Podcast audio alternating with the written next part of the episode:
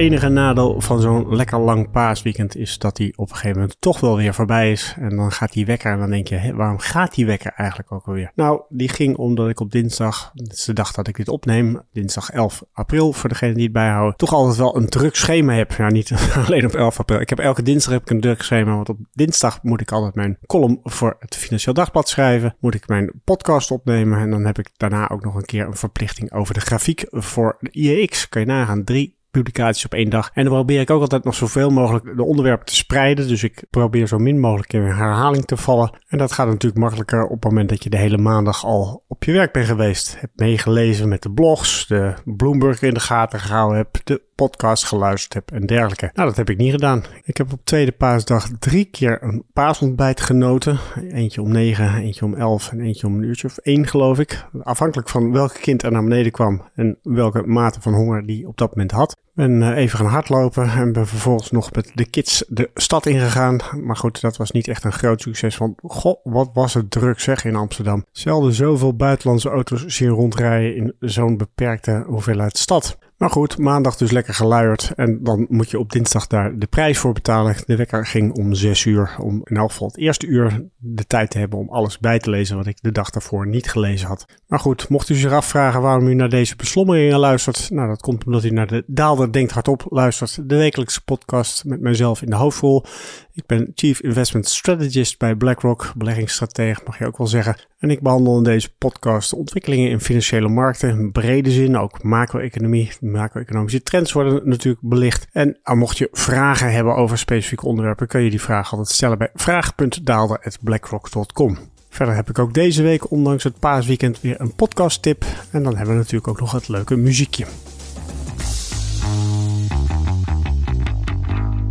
Laat ik eerst eens beginnen met een artikel van The Economist, want die haakt goed in op het thema wat ik vorige week heb behandeld. Vorige week, mocht u het niet geluisterd hebben, had ik een podcast waarbij ik de vraag centraal stelde: wat zijn nou de drie redenen waarom aandelenmarkten er zo goed bij liggen? Waarom financiële markt at large er zo goed bij lagen? En dan echt op zoek gaan naar alternatieven. Dus niet uh, zeggen: oh, de obligatiemarkt heeft het mis en de aandelenmarkten die zien het verkeerd enzovoort. Waarbij een van de potentiële argumenten dus was de petrodollars. We hebben de afgelopen jaren natuurlijk een behoorlijke stijging gezien van de olieprijzen. Dat betekent dat de, met name de landen, de olieproducerende landen, maar laten we zeggen de landen van het Midden-Oosten, dat die een behoorlijke inflow hebben gekregen van extra kapitaal. En aangezien dat extra kapitaal niet tot extra uitgaven heeft geleid, het wordt niet gelijk geconsumeerd in het Midden-Oosten, betekent dat dat er gewoon meer vermogen is wat vervolgens weer op zoek gaat naar een beleggingsoptie. Waarbij de koppeling naar de goed renderende financiële markten uiteraard voor de hand lag. Nou, mijn opmerking was dus ook, waarom hoor ik daar weinig over? Een typisch gevalletje van de OOO-rubriek. Maar kennelijk luisteren ze bij The Economist ook naar de Daalder Denkt Hardop. Want prompt deze week kwam er een heel lang artikel over specifiek dit onderwerp. Welcome to a new era of petrodollar power genaamd.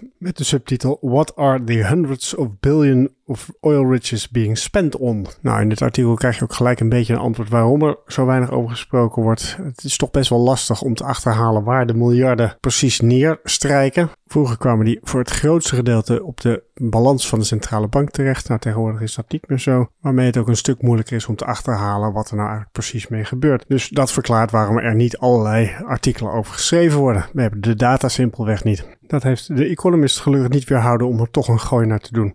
En als je dan puur kijkt naar de omvang, ze hebben het over two-third of a trillion dollars. Dus nou laten we zeggen 660 miljard aan current account surpluses die over de periode 2022-2023 worden vergaard als gevolg van die hogere olieprijzen.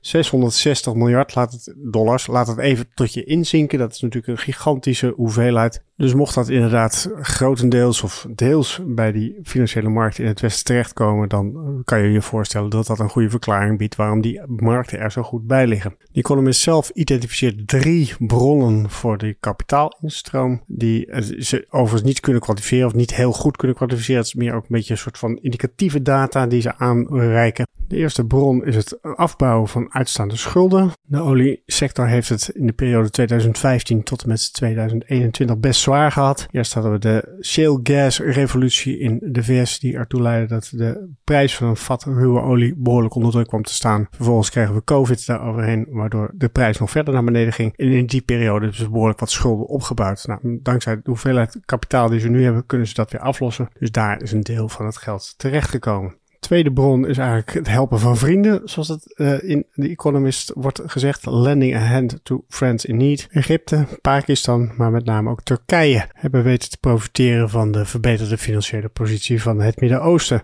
Hierbij is Turkije natuurlijk een typisch geval. Normaal zou die in nou, de problemen die we nu hebben, hoge inflatie, oplopende schulden en dergelijke moeten aankloppen bij het IMF.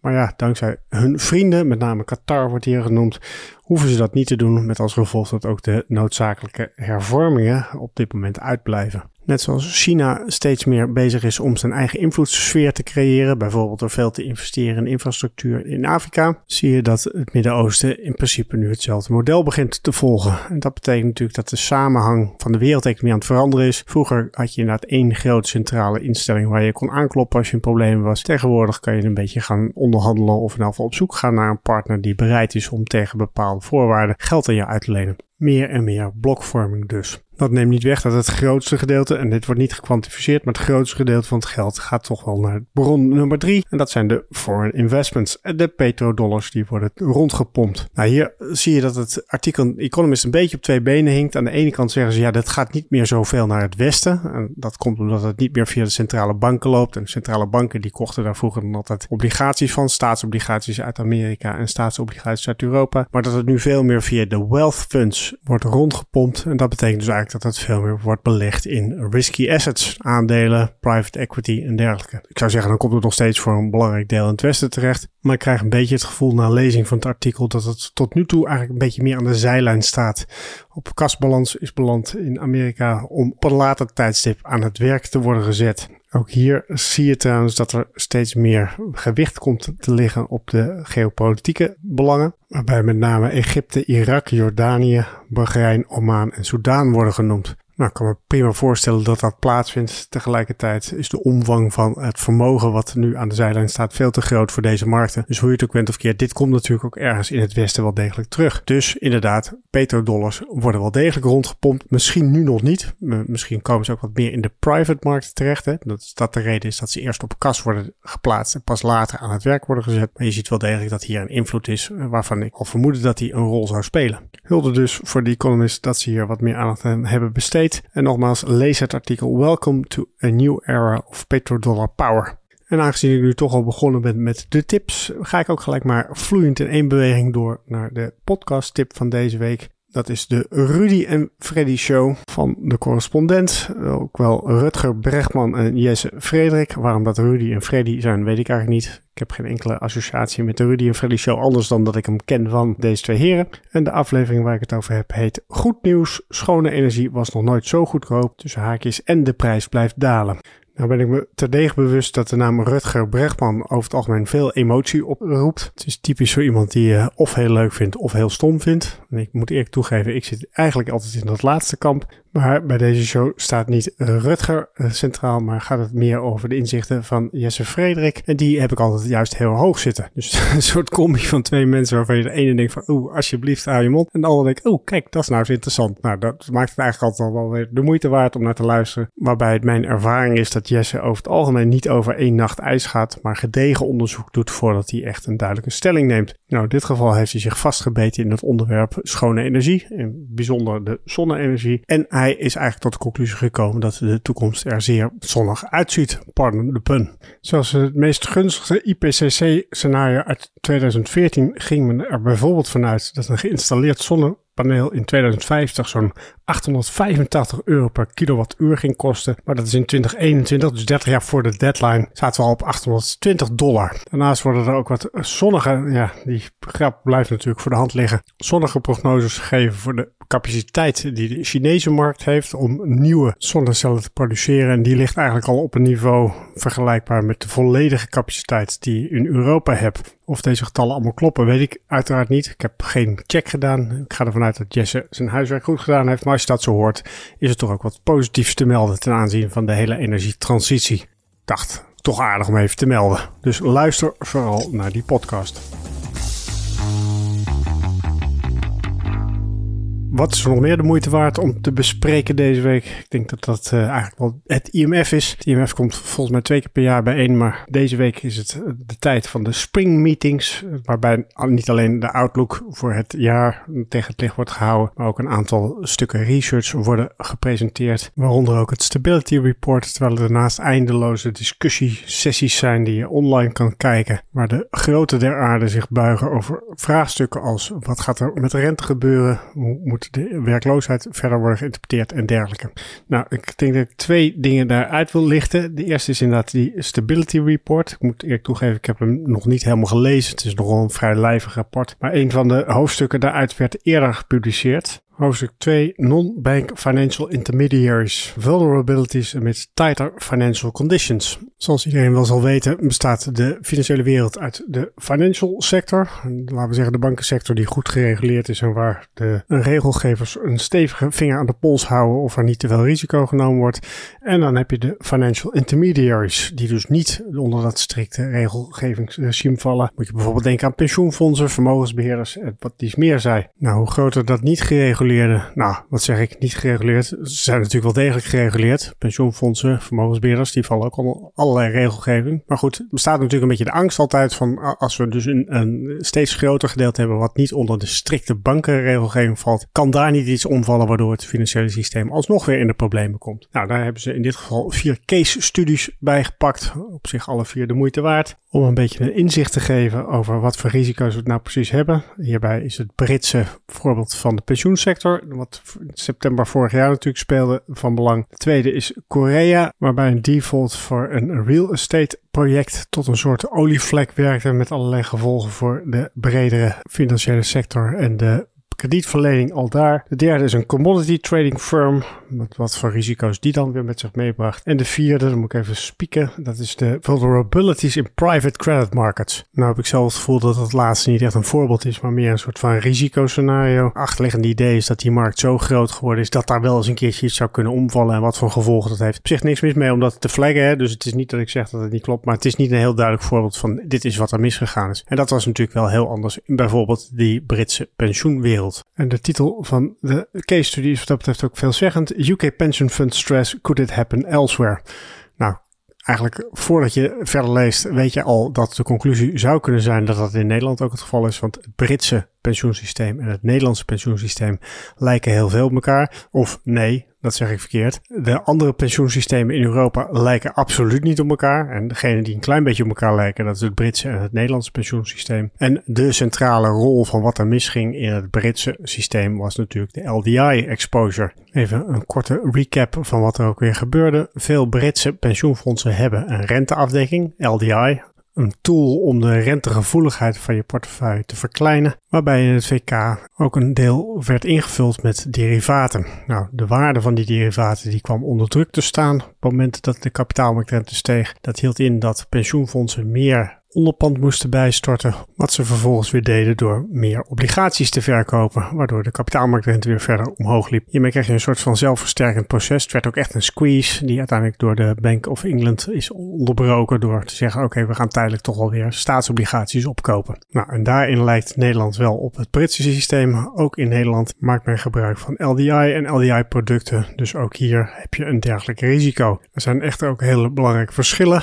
waar het Britse pensioenfonds relatief groot is ten opzichte van de uitstaande staatsschuld, is het Nederlandse pensioenfonds misschien wel groot ten opzichte van de Nederlandse staatsschuld, maar is het Nederlandse pensioenfonds niet groot ten opzichte van de euro-staatsschuld. En dat is uiteindelijk de markt waar het merendeel van de pensioenfondsen actief in zijn. Kortom, de landsspecifieke squeeze die we in het VK hebben gezien, die zullen we in Nederland waarschijnlijk niet krijgen. Maar goed, dat is eigenlijk niet het punt wat ik wilde maken. Mijn punt is eigenlijk meer over een specifiek figuur in deze studie figuur 2.4 Pension Funds and Financial Stability, zoals dat heet, waarbij grafiek 2 de volgende kop staat. While surveys indicated increasing willingness to increase exposure to riskier liability-driven investment strategies. Hmm, call me a nerd. Ik neem aan dat het merendeel van de luisteraars dat ook inderdaad zal doen.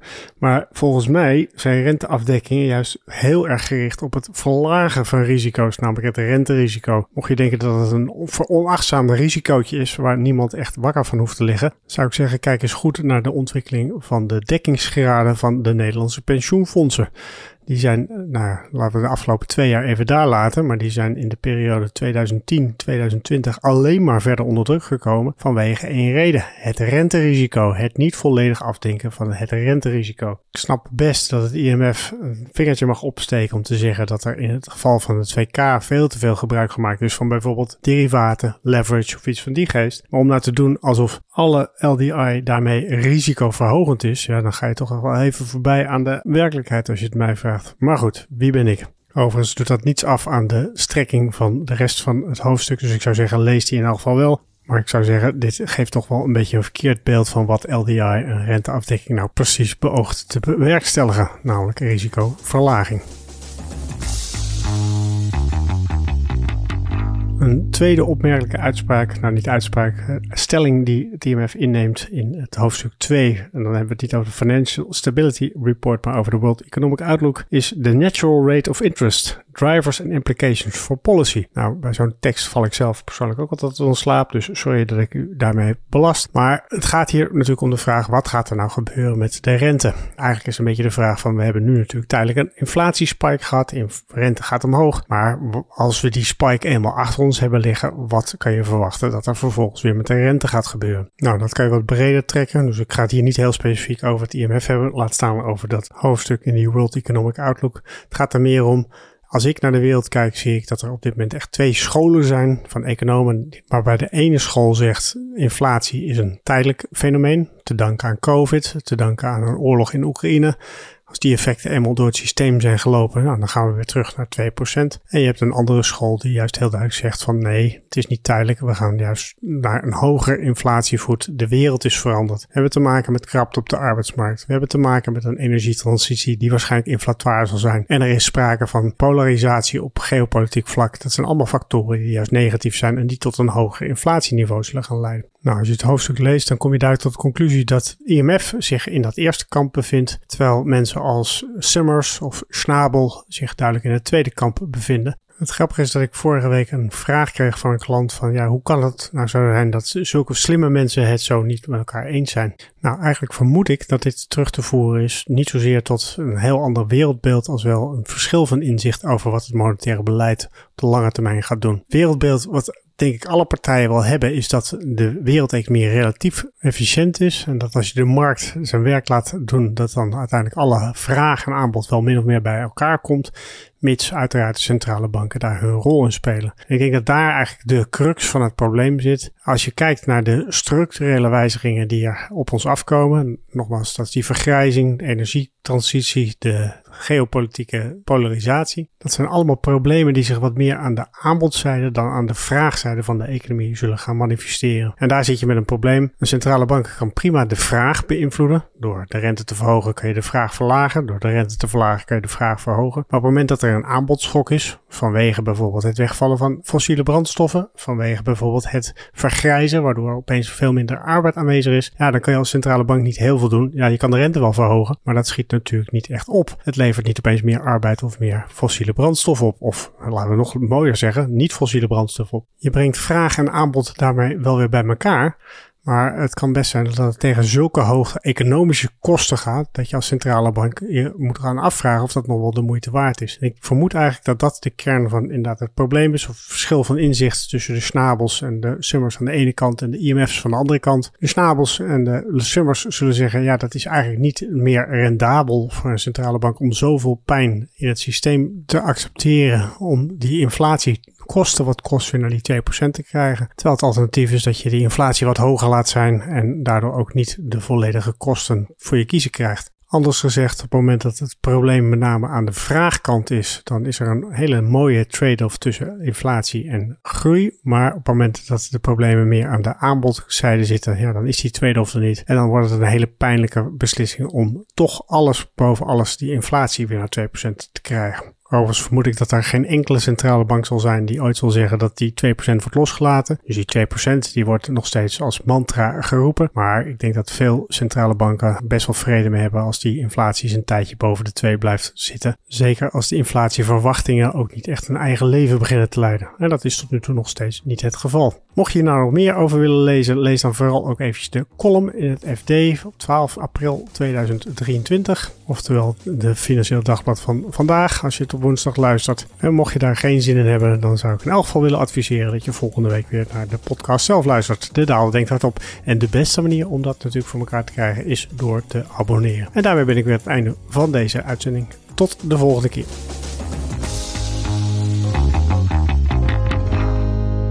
Risicowaarschuwingen. Beleggingsrisico. De waarde van beleggingen en de opgebrachte inkomsten kunnen variëren. Het is niet zeker dat u uw oorspronkelijke inleg terug ontvangt. Dit is een marketinguiting. In het verleden behaalde resultaten geven geen betrouwbare indicatie van het huidige of toekomstige rendement en dienen niet als enige criterium te worden genomen bij de selectie van een product of strategie. Veranderingen in de wisselkoersen van valuta's kunnen ertoe leiden dat de waarde van beleggingen stijgt of daalt. Deze schommelingen kunnen bijzonder sterk zijn bij een fonds dat blootstaat aan een hogere volatiliteit en de waarde van een belegging kan plotseling en zeer sterk dalen. De fiscale regelgeving waaraan beleggingen onderworpen zijn en de hoogte van de belasting kunnen in de loop der tijd wijzigen. BlackRock kan op elk moment besluiten een fonds niet langer aan te bieden. Belangrijke informatie. Deze podcast is alleen bestemd voor professionele beleggers volgens de MIFID-richtlijn.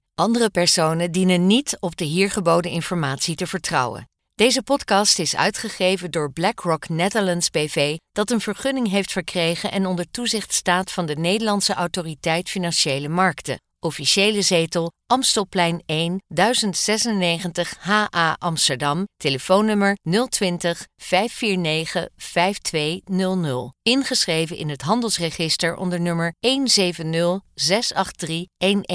Om u te beschermen worden telefoongesprekken doorgaans opgenomen. Alle in deze podcast vermelde researchgegevens zijn verstrekt door BlackRock en kunnen door BlackRock inmiddels voor eigen doeleinden gebruikt zijn. De resultaten van dergelijke research worden slechts incidenteel verstrekt. De hier geuite visies vormen geen beleggingsadvies en kunnen aan verandering onderhevig zijn. Ze weerspiegelen niet altijd de gezichtspunten van een bepaalde onderneming binnen de BlackRock-groep of van een afdeling daarvan en de juistheid ervan kan niet worden verzekerd. Deze podcast is uitsluitend bestemd ter informatie. Het vormt geen aanbod of uitnodiging om te beleggen in een van de fondsen van BlackRock en is niet opgesteld in verband met een dergelijk aanbod.